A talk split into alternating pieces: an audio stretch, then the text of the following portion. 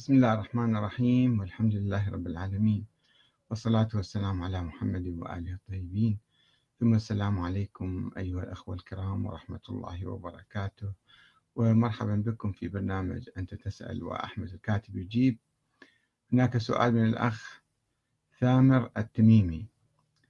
يقول لو كان المنهج الذي تتبعه صحيحا لما أنكرت ولادة الإمام عليه السلام؟ يقصد الإمام الثاني عشر محمد بن الحسن العسكري الذي وردت 31 رواية في ولادته في البحار وأكثر عن في كتاب البحار وأكثر من 40 رواية في الكافي كلها أسقطها المنهج الناصبي المعوج الذي تتبعه. أخطر شيء في الإنسان أن يجعل فهمه صنما لفهم الحق. يعني يا أخي العزيز الأخ ثامر يعني هذا أول الكلام أنه أني المنهجي مثلا مو صحيح أعوج أو منهجك مو صحيح وأعوج. إذا نريد نعرف حقيقة معينة بالتاريخ يجب أن نبحث عنها بطرق علمية بطرق صحيحة نتثبت من الروايات وخاصة إذا كان هذا الموضوع مو فقط موضوع تاريخي. شخصي يعني. موضوع عقدي وديني وصار مهم جدا وتوقف عليه أمور كثيرة في الحياة ومواقف لازم إحنا نتخذها اليوم. فنحتاج أن نبحث الموضوع. يعني آه أنت تقول أنه أخطر شيء في الإنسان أن يجعل فهمه صنما لفهم الحق. صنما حتى يفهم. طيب شلون يفهم الحق إذا هو ما يعتر ما يعتقد بنفسه وما يثق بعقله وما يثق بفهمه يعني لازم يغلق عقله تماما ويسكر عيونه ويؤمن بشيء موجود حتى يكون صحيح يعني هذا زين هذا اللي أنت قاعد تؤمن به ليش ما هو صنم؟ أنت تؤمن بصنم وهمي اسمه الإمام الثاني عشر وهو ما له وجود وأنت تعتقد هذا هو مثل إله نص إله يعني. يدير الكون وهو يعمل كذا ويراقب أعمال الناس كلهم ويحاسبهم كل أسبوع. فالشيء إنسان خيالي مثالي يعني. آه لم ينزل الله به من سلطان. أنت تؤمن بهذا الإنسان. كيف آمنت به؟ ما هو المنهج الذي اتبعته حتى آمنت؟ ورثت الإيمان عن آبائك وأجدادك؟ أنت لما كنت مثلا الآن شيعي 12 كنت زيدي أو كنت إسماعيلي. ما كنت تؤمن بهذا الشخص. وتضحك على مؤمنين به لو كنت سني مثلا أو كنت مسيحي أو يهودي أو أي شيء كان ما عندك دليل على ولادة هذا الإنسان ووجوده. فكيف تؤمن به أنت لازم تراجع يعني بالتقليد. ما يمكن واحد يقلد شيء ويؤمن به عن طريق عن طريق التقليد. الله أعطاك عقل وأعطاني عقل وأعطى كل الناس. أقول وبهذا العقل ننظر ونبحث ونفكر. أنت تتفضل تقول وردت روايات في بحار الأنوار. بحار الأنوار كتاب قبل 200 300 سنة مؤلف ما له قيمة يعني. أكثر من 40 رواية في الكافي. وين الروايات بالكافي يعني آه الناس المعاصرين قبل الكافي وفي زمانه وبعده مثلا النوبختي مؤرخ شيعي يذكر يقول الشيعة فتشوا وبحثوا وسألوا وما لقوا شيء. هو الإمام الحسن العسكري قال أنا ما عندي ولد. أهل بيته جعفر أخوه غيره كل أهل البيت العلويون كانوا يقولون لا ماكو شيء يعني ما عنده ولد الحسن العسكري. عامة الشيعة عامة المسلمين ما عرفوا هذا الولد ولا شافوا في حياتهم ولا في حياة الإمام ولا بعد وفاته. الإمام الحسن العسكري. طيب علماء الشيعة أيضا هكذا يقولون ال ال سعد بن عبد الله الأشعري القمي. بعدين اجى عندنا مثلا النعماني محمد بن أبي زينب النعماني صاحب كتاب الغيبة أو الشيخ الصدوق أو أبوه حتى وآخرون الشيخ المفيد الشيخ الطوسي مشايخ الطائفة اللي في القرن الرابع الهجري والخامس. كلهم يقولون يعني ما عندنا أدلة تاريخية على ولادته ما حد ما شافه. إنما نفترض افتراض لازم نفترض افتراض. ونضرب أخماس في أسداس ونطلع نتيجة أنه هذا كان موجود ومولود. وإلا تخرب حساباتنا الأخرى حساباتنا النظرية السياسية. ما في دليل لا من العقل ولا من النقل. كلها الروايات العلماء الباحثين يعرفون أن هاي الروايات كلها ضعيفة ومرسلة أو مثلا مروية عن كذابين وضعاف وما يمكن احتجاج فيها. ما يمكن نبني دين على هاي الأحاديث. أو نبني عقيدة أو نبني نظرية. نظل ننتظر ألف سنة. وبعد الله يعلم كذا ألف سنة ننتظر. وماكو الولد ما يطلع لأنه ما موجود. فأنت قاعد تتهم أنه أي واحد يتبع عقله أو يتبع طريقة علمية يبحث يحقق. يجتهد في الموضوع. تتهمه أنه منهج يتبع منهج ناصبي. شلون منهج ناصبي يعني؟ يعني إذا واحد مثلا قال لك هذا الشخص ما عندي دليل على وجوده صار ناصبي وهو شيعي وهو شيعة الحسن العسكري تفرقوا 14 فرقة. فرقة منهم بعدين افترضت وجود ولد له. قاعد ما شفناه بس لازم نفترض وجود ولد له. ف يعني شيء عجيب. الواحد هو عنده شبهة ومتبع منهج تقليدي مو علمي مو بحثي ويتهم الآخرين اللي باحثين محققين مدققين يقول أنتم عندكم منهج ناصبي. إذا أنت تؤمن بهذا الكلام فأكو إمام آخر أيضا غائب مهدي منتظر غائب عند الشيعة اسمه محمد بن عبد الله ابن جعفر الصادق حفيد جعفر الصادق يعني. في أواسط القرن الثاني الهجري عندما توفي الإمام الصادق وجلس مكانه ابنه عبد الله الأفطح هو كان أكبر أولاد الإمام الصادق يسموه أبو عبد الله. فأصبح إمام والشيعة كلهم تقريبا أكثرهم معظمهم اتبعوه وقالوا بإمامته الشيعة الإمامية يعني. ثم توفي بعد سبعين يوم من وفاة الإمام الصادق وما عنده أولاد. فقسم من شيعته قالوا أنتم كيف تقولون ما عنده ولد؟ هو لازم عنده ولد. لأن الإمامة لازم تتسلسل بصورة عمودية.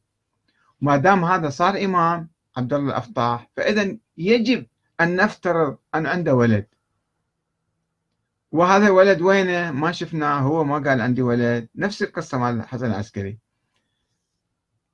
الشيعة يقولون وين ما شفناه ما له وجود هذا. قالوا لا هو أخفاه خوفا من العباسيين وأخفاه في اليمن ولد سرا وأخفاه في اليمن وهو اسمه محمد بن عبد الله هذا المهدي المنتظر. اسمه اسمي واسمه أبيه اسمه أبي فهذا راح يخرج في يوم من الأيام. وظلوا ينتظروه ذولا فريق من أتباع الإمام عبد الله الأفطح وفريق قال لا يابا إحنا اشتبهنا أصلا مو إمام نمسح اسمه ونروح لموسى بن جعفر. وقسم آخر قال نجمع بين عبد الله الأفطح وبين موسى بن جعفر فسموهم الفطحية يعني نسبة إلى عبد الله الأفطح يؤمنون بإمامة عبد الله الأفطح وموسى الكاظم. جمعوا بين الإمامين قالوا لهم ما يصير الإمامة؟ لا تكون في أخوين. بعد الحسن والحسين قال لهم شنو هالمشكلة يعني؟ منين جايبين هذا أنتم لا آية قرآنية ولا حديث نبوي. فلماذا لا تكون الإمامة في أخوين خلي تكون مو مشكلة يعني. إذا ما عنده ولد نروح الأخو. نفس الكلام قالوه في بعد 100 سنة لما توفي الحسن العسكري قسم من الشيعة قالوا طيب ما مشكلة إذا هو ما عنده ولد إما هو مو إمام كان خلينا نشطب اسمه مثل ما شطبنا اسم عبد الله الأفطاح أو نجمع بينه وبين أخوه جعفر يسموه جعفر الزكي اللي يسموه جعفر الكذاب. قال نجمع قال لا ما يصير الإمامة لا تكون في أخوين. ليش ما تكون في أخوين؟ خلي تكون في أخوين. هسه الله يعني سبحانه وتعالى إذا هي إمامة من الله وخلي يسويها في أخوين مثل الحسن بن الحسين. فليش لا يعني؟ شوفوا كل الكلام هذا سفسطة سفسطة وحكي فارغ وكلام بلا دليل و... وأشياء غير منهجية وغير علمية سووها عقائد. هي أشياء يعني كلام حكي كلام عادي جدا وخلافات سياسية عادية. أضفوا عليها صفة مقدسة. أن هؤلاء أئمة معصومين معينين من قبل الله والإمامة كذا وكذا وبعدين وقعوا في أزمات. يوميا كانوا يوقعون في أزمة ومشكلة. إلى أن انقطعت هاي السلسلة. انقطعت وبادت قبل 1200 سنة بعد ما عندنا إمام معصوم من معين من قبل الله. وكان يجب علينا أن نقيم نظاما ديمقراطيا قبل 1200 سنة. نظام شورى يعني. هو هذا فكر أهل البيت الصحيح. والآن إحنا شوفوا الشيعة متطور بعد بعد ما يأسنا من ظهور هذا الإمام على فرض الاعتقاد به ووجوده الآن أقمنا أنظمة ديمقراطية دستورية انتخابات. انتخبنا إما عالم إما مو عالم مو فقيه واحد عادي. ينتخبه يصير رئيس. وانتهت المشكلة. بعد هذا الفكر لازم إحنا نتخلى عنه تماما. هذا الفكر باعد فكر ما موجود فكر قديم. بس بعض الأخباريين وبعض الناس التقليديين اللي ما يفهم شنو صار بالدنيا وما يفهم هالفكر هذا وين راح وشو نسوي لازم إحنا وهو عايش يبدو عليه خ... يعني على هامش الحياة. ما داخل في العملية السياسية لو داخل بالعملية السياسية ما يتكلم هالكلام. أنه آه ليش أنكرت وما أنكرت؟ سواء أنكرت ولا ما أنكرت شي بيدك يعني. وأنت إيش راح تهتم يعني؟ فكر اليوم انتخاباتك مزورة وصناديق الانتخابات تحرق والنظام الدستوري مالك والنظام الديمقراطي مخربط وفاشل ومحاصصة وراح نرجع للمحاصصة الشيعة قاعدين بصفحة مسوي لهم تجمع ويردون يسوون كتلة أكبر حتى يأخذون رئاسة الوزراء والأكراد من هناك يلعبون على الحبل يدعمون يا يا فريق. حتى هم يحصلون بعض المكاسب. والسنة مسوين لهم مجاميع حزبية مسوين لهم كتلة يردون يسوون كتلة حتى أيضا يدخلون بعملية المحاصصة وتجربة سياسية فاشلة. تجربة سياسية فاشلة. نظام ما يحل أي مشكلة. والمشاكل قاعد تتراكم على العراق وعلى المواطن العراقي وما قادرين نحل أي مشكلة. لأن النظام السياسي ضعيف. وبعدنا إحنا مشلبين بهالأفكار القديمة أن الإمام الثاني عشر موجود ولا مو موجود مولود ولا مو مولود وهو الإمام ولا ما يجوز واحد يعني لازم ننتظره. هالكلام هذا راح بعد بعد ألف سنة. جاي نفس نكرره ونعيده ونتمسك فيه إلى متى؟ خلينا نفكر شوي في حياتنا.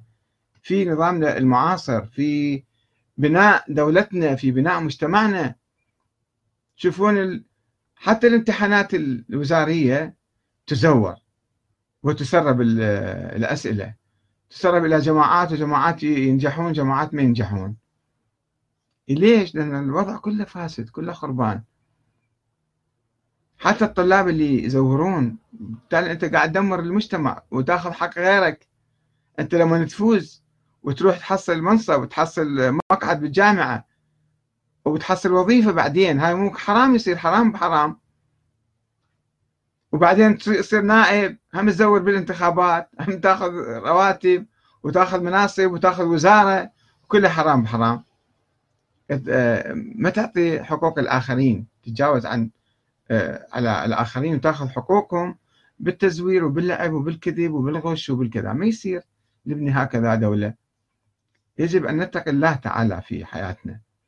إذا إنسان يدخل يدرس يدرس بجد وحتى ينتج وينجح ليش يضطر حتى يزور؟ حياتنا كلها صارت تزوير وكلها صار واسطة وكلها كذب وكلها لعب. خلينا نفكر بهذا النظام مالنا بمجتمعنا بحياتنا. شلون نبني مجتمعنا بصورة سليمة؟ وما نحتاج أن نزور أصلا.